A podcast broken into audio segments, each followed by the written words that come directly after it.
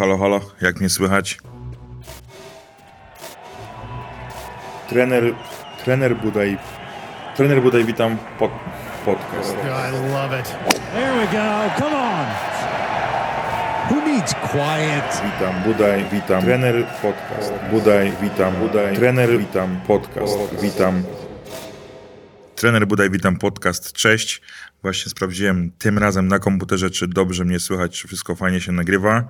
Wróciłem z powrotem do mojego domowego studia nagraniowego w postaci kuchni i stołu w jadalni tutaj. Jestem opatulony poduszkami, tak żeby echo w tym mieszkaniu nie było aż tak słyszalne. Po paru tygodniach wróciłem tutaj do tego, do tego studia. E, Nareszcie jest chwila wolnego. Tak naprawdę nagrywam ten podcast w nocy z czwartku na piątek. Już mamy piątek, jest godzina pierwsza 15. Ten podcast jeszcze musi być najpierw zmontowany przez odpowiedzialnego za tą osobę, tutaj mojego przyjaciela Michała Kukawskiego, tak żeby ten podcast nie tylko był ciekawy merytorycznie, ale żeby też był dobrze przez Was słyszalny. On się bawi tutaj we wszystkie wycięcia tych moich jakichś mlaśnięć, przełykań śliny i tak dalej. Wiem, że to robię, trudno. W każdym razie, Ostatnie tygodnie są naprawdę bardzo, bardzo, bardzo busy. W ostatnich tygodniach byłem w Krakowie, na polu Kraków Valley, gdzie nie grałem od 15 lat. Ostatni raz grałem tam na turnieju, to się wtedy nazywało chyba Audi Pro Am PGA Polska Tour, czy coś takiego. Pamiętam, że notabene zagrałem tam całkiem nieźle. Zająłem chyba czwarte miejsce. Rundami notabene 79-79 z trzypatem na 18 po dwóch uderzeniach byłem na grinie. Kraków Wali z y, białych tee jest bardzo, bardzo długi. Jeżeli wiecie, to mm, znacie to pole, to wiecie, jaka długa jest osiemnastka. A dlaczego o tym wszystkim mówię? No dlatego, że te podróże w tych ostatnich tygodniach, a jeszcze na Rosie byłem w Częstochowie. Ja jestem osobą generalnie taką bardzo pamiętającą, bardzo taką, nazwijmy to tutaj, mm, no otwarcie, dosyć taką odczuwającą, więc ja dużo rzeczy pamiętam z przeszłości, szczególnie tych, no i tych dobrych i tych złych tak samo. Więc ostatnie tygodnie to była niezła podróż sentymentalna przez te wszystkie pola, na których nie grałem od lat.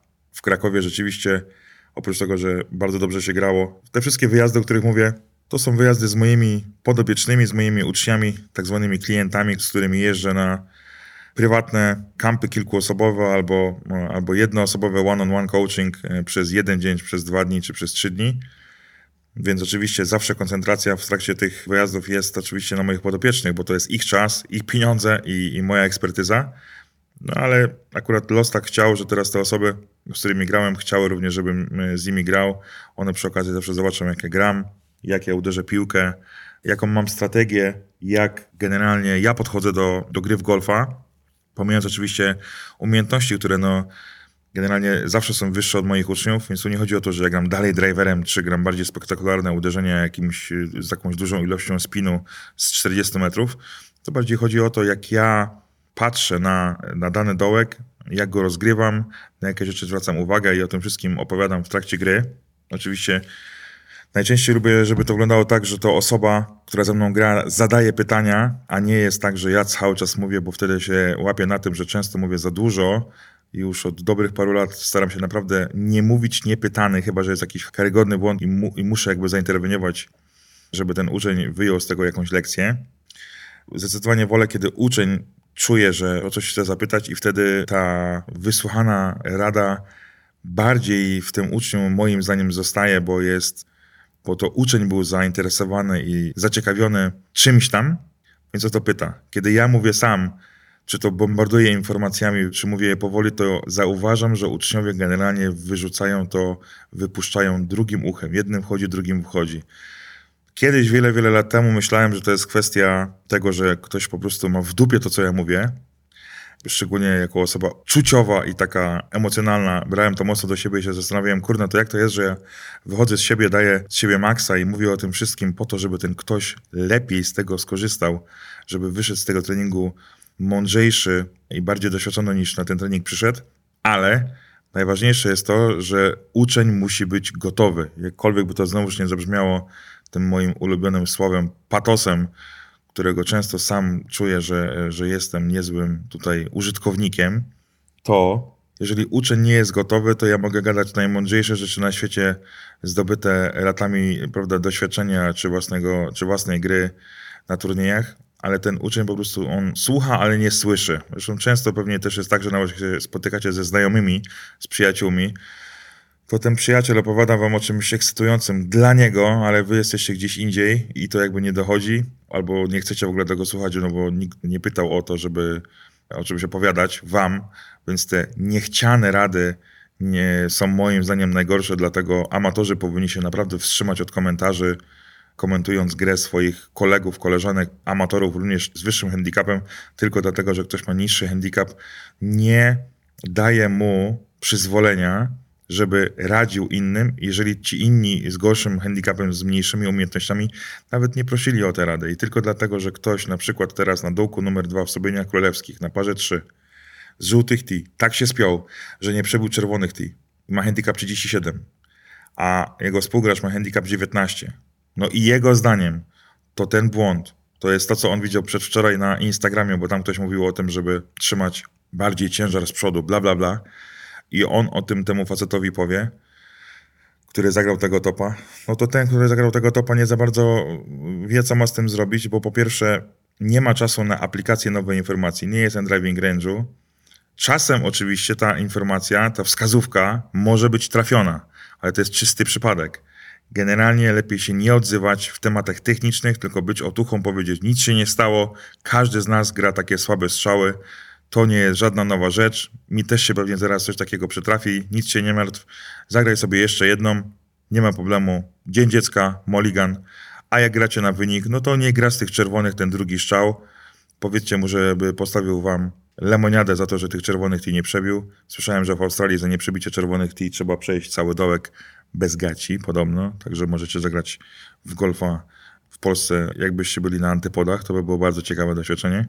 To w każdym razie nie polecam dawać takich rad ad hoc, tylko lepiej być jakimś takim, nazwijmy to, wsparciem psychicznym i nie pocinać absolutnie nikomu skrzydeł, powiedzieć, Boże, ty znowu zagrałeś tego topa. No ile razy ci mówiłem, że to jest ciężar ciała. No ja pierdzielę, no naprawdę, no nie, no to nie, nie w tą stronę.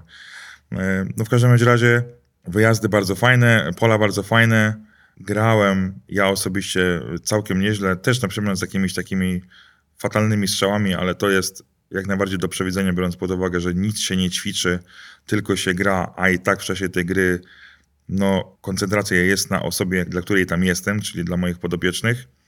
Za dwa tygodnie, minus tam dwa dni, zaczyna się Przesiap Open, w którym startuję. Grałem jakąś tam rundę, jedną zapoznawczą sam dla siebie. Zagrałem tam chyba 82.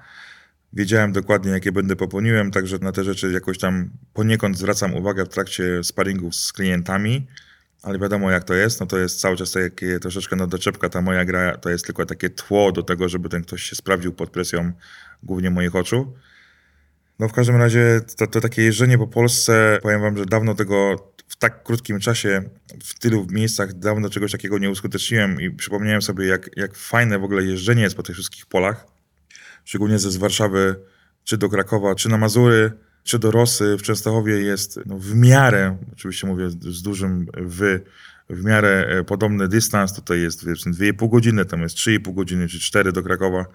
I ja lubię spędzać dużo czasu w samochodzie, bo wtedy jest czas na jakieś rozkminki, wtedy słucham własnych jakichś ulubionych podcastów, zwykle w ogóle nie związanych z golfem, tylko głównie o jakichś tam tematach, nazwijmy to, czy komunikacji, czy jakiegoś tam, nazwijmy to marketingu, ale, ale nie takiego instagramowego, gdzie tam ludzie wciskają jakieś kity, tylko to takie praktyczne rzeczy, które później poniekąd jakoś tam wykorzystuję z wami w swoim tutaj jednoosobowym biznesie.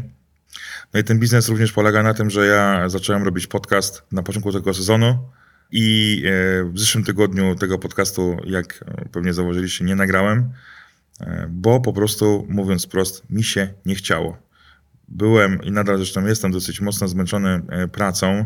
Nie ukrywam, że na rzeczy poza polem golfowym, gdzie te treningi daję, jest tego czasu bardzo mało i cały czas jest jakiś taki pośpiech, jakiś taki niedoczas. Nie lubię takiego uczucia, bo wtedy cały czas człowiek gdzieś biegnie, a w sumie nie wiadomo, kiedy to się skończy. No w każdym razie miałem taki moment, że znowu już musiałem ten podcast nagrać gdzieś tam w lesie, będąc na wywczasie z moją narzeczoną i z moją córką. i z moimi, z naszymi psami e, w domku w, w środku lasu na takich palach w ogóle, no petarda miejscówka. Bardzo potrzebny wywczas, mimo tego, że to zajęło tak naprawdę dwie noce, niecałe tam byliśmy, dwa i pół dnia. To stwierdziłem, że ja nie będę teraz wstawał o czwartej rano, żeby dowieść, bo sam mam coś takiego, że jak nie dowożę, to mam wyrzutu sumienia i sobie później cisnę jak bury i suce, że znowu z czegoś nie zrobiłem i tak dalej.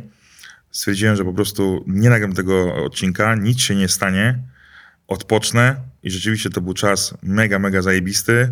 Już czuję, że trzeba to robić częściej niż raz na długi, długi okres czasu i mam nadzieję, że się to uda zrobić nawet jeszcze w lipcu może i później w sierpniu.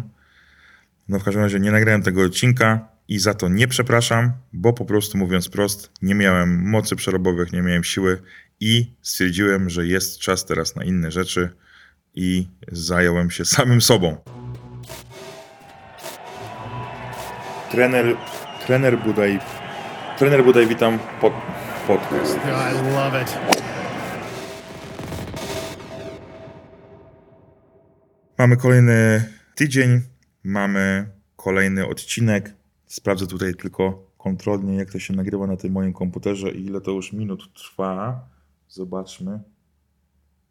No, już gadam 12 minut, no to kurczę. Typowo. No, mam nadzieję, że, że cały czas jesteście ze mną. Sponsorem dzisiejszego odcinka, po jakiejś tam dłuższej przerwie, bo tych sponsorów nie było ostatnio, bo gadałem o innych rzeczach, mówiłem, opowiadałem wam o, o innych w tamtym momencie dla mnie ważnych, e, istotnych rzeczach, którymi chciałem się z wami podzielić. Dzisiejszym sponsorem odcinka jest Simon, który pisze Panie Jakubie, robi pan wspaniały podcast. Proszę kontynuować i być wytrwałym. Moje pytanie, krótka gra. Jak nie robić topów 20-50 metrów od greenu? Dziękuję. Uśmieszek i flaga golfowa. Dzięki Simon, dzięki Simon za tego maila. Dzięki za dobre słowo. Będę kontynuować podcast, będę wytrwałem. Czasem mniej, czasem bardziej, ale lecimy dalej. Nie ma przestoju. Odpowiedź na Twoje pytanie jest taka. Jak nie robić topów z 20-50 metrów? No nie uderzać krawędzią dolną wedge'a w środek piłki. Czym jest top? No zaraz coś powiem, no po co ten Budaj mówi mi, co to jest top? Przecież ja wiem. No niby wiesz, ale, ale je grasz, no to co z tego, że wiesz, co to jest, jak nie wiesz, jak się tego pozbyć. Więc może ja w ogóle zdefiniuję, czym jest top. Top to jest uderzenie dolną częścią kija, tą krawędzią dolną, leading edge'em, tą żyletką taką, w równik piłki. Czyli dokładnie krawędź w środek piłki, piłka leci z bardzo małą ilością spinu, bardzo nisko nad ziemią, najczęściej za green, do wody, do bunkra i tak dalej. No i teraz, no dobra, no fajnie, wiem czym jest top. A czym ten top jest spowodowany? No tym, że kij w momencie uderzenia nie jest styczny z podłożem i przednią i tylnią krawędzią, czyli ten soul of the club, ten spód tego kija nie leży płasko na ziemi jak żelazko, tylko przez to, że mówię teraz to wszystko dla osoby praworęcznej, tylko ta krawędź przednia, ta krawędź dolna jest uniesiona nad powierzchnię trawy, dlatego że szaft jest przesunięty do tyłu w kierunku prawej pachwiny. A przecież my wiemy, że kij wychodzi z fabryki i jest zbudowany w taki sposób, że go położymy naturalnie, neutralnie, optymalnie na ziemi, to ten spód kija, ta płaska powierzchnia jest styczna z podłożem i wtedy szaft jest pochylony o parę stopni w kierunku do celu, w kierunku naszej lewej pachwiny. Czyli jest tak zwany shaft lean, czyli jest pochylenie szaftu w kierunku, w kierunku celu. I wtedy mamy coś takiego jak loft, czyli nachylenie na e, główce kija i to teraz pytanie jest za 100 punktów, jak to się dzieje, że piłka leci w golfie do góry?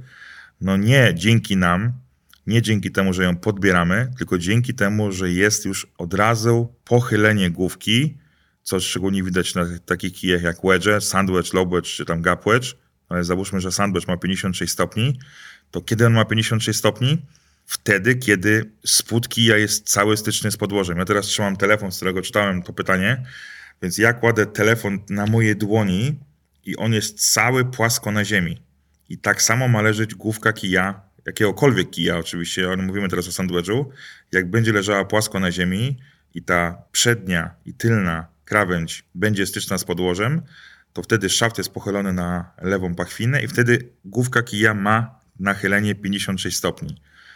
Człowiek, szczególnie na początku, myśli, że ten kij nie da rady, a szczególnie, że ta główka jest tak wychylona do nieba, to próbuje tę główkę jeszcze bardziej odkręcić i robi to w taki sposób, że na setupie przesuwa szaft z lewej pachwiny na pępek, albo z pępka nawet na prawą pachwinę i niby robi z tych 56, 60 lub 64 stopnie, ale co się dzieje wtedy z tą, z tym leading edge'em, z tą dolną przednią krawędzią? Ona się unosi i ona się odrywa od podłoża i wtedy zamiast być styczna z trawą, ona dokładnie jest mniej więcej na wysokości środka piłki.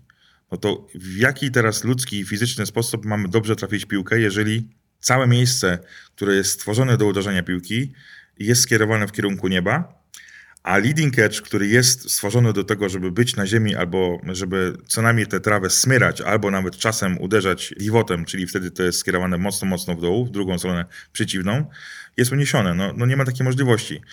Co dalej? W momencie, kiedy jeszcze przesuwamy mniej lub bardziej, prawda, e, świadomie środek ciężkości ze środka rozkroku na tylną stronę, czyli na prawą stronę dla osoby praworęcznej, to wtedy ten szaft razem z ciężarem ciała przesuwa się do tyłu na prawo, leading edge podnosi się do góry i wtedy nie tylko będziemy uderzać leading edge'em w piłkę, e, w środek piłki, ale również będziemy mieć low point z tyłu za piłką. Co to znaczy, co to jest low point? No, kij golfowy porusza się po okręgu. Każdy okrąg ma najniższy punkt, prawda?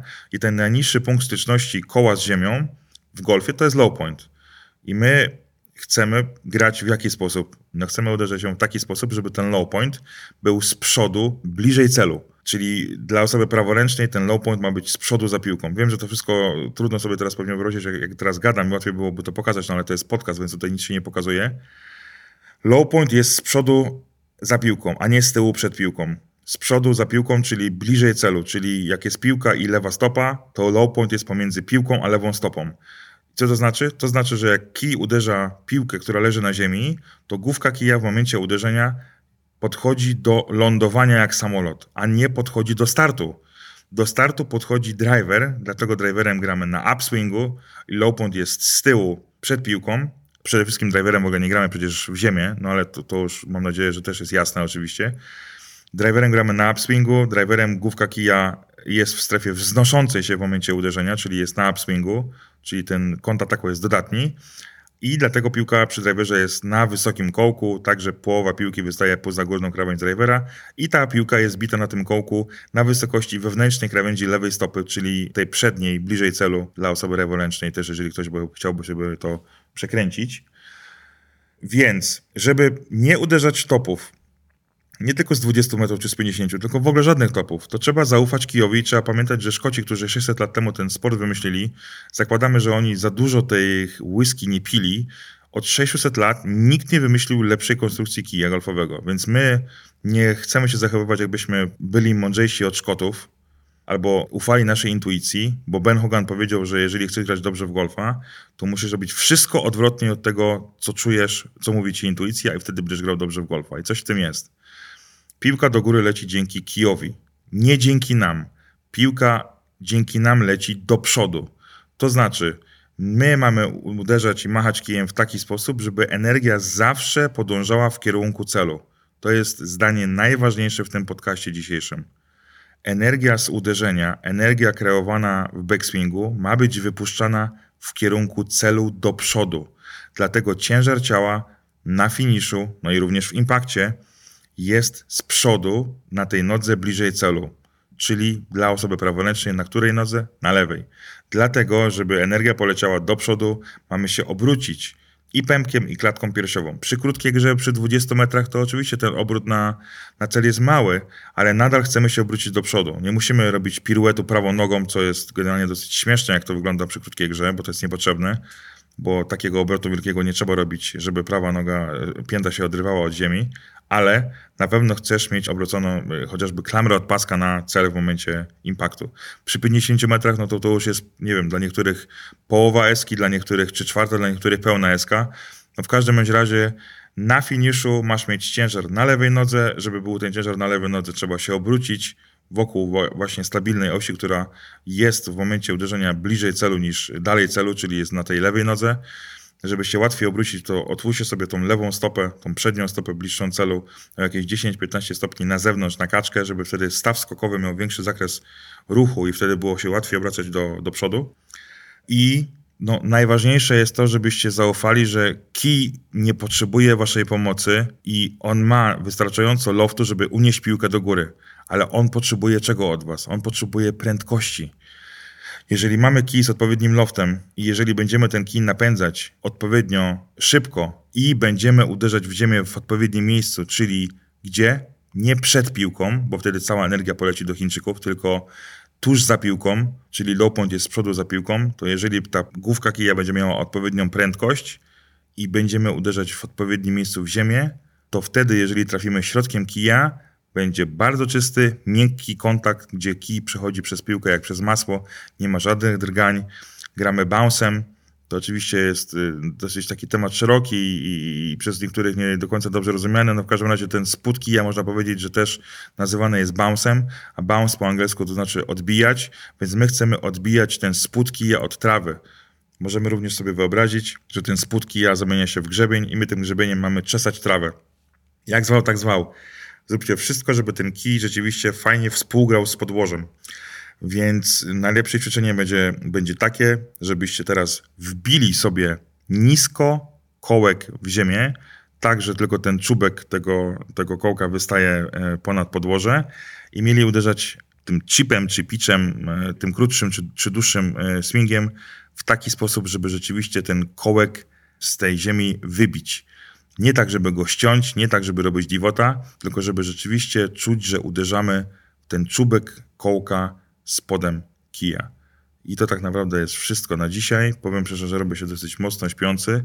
Jest godzina 1.39. Ja mam budzik nastawiony na 4.30, bo jutro trzeba wcześniej jeszcze wstać, porobić inne rzeczy do pracy, której nie znoszę, tej takiej biurowej, czyli jakieś faktury, zamówienia, oferty, tu jakieś korporacyjne tematy się włączają. Oczywiście jestem bardzo wdzięczny za te możliwości, które tutaj ta praca mi e, generuje. Czy właściwie ja sobie też jestem wdzięczny za to, że udaje się tutaj robić kilka nowych projektów, o których niedługo będę mówił już więcej. No w każdym razie komputer, księgowy, oferty, PowerPoint to jest coś, czego nie trawię. Dlatego to idzie jak krew z nosa i niektórzy czekają, prawda, jak taki pan Kamil na przykład już chyba trzeci tydzień na ofertę, na którą sam go namówiłem. No w każdym bądź razie idę spać, trzymajcie się, wiecie co robić, wiecie jak, jakie, jakie mam do was standardową prośbę. Wysyłajcie ten podcast do wszystkich swoich znajomych, żeby oni również mogli skorzystać z tej darmowej, bardzo praktycznej i zajebiście prostej wiedzy do zastosowania. Trzymajcie się, pozdrawiam, do zobaczenia, na razie, cześć.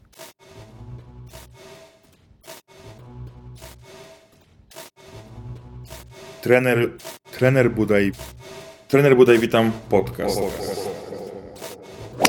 Witam, witam. Trener Budaj, witam podcast.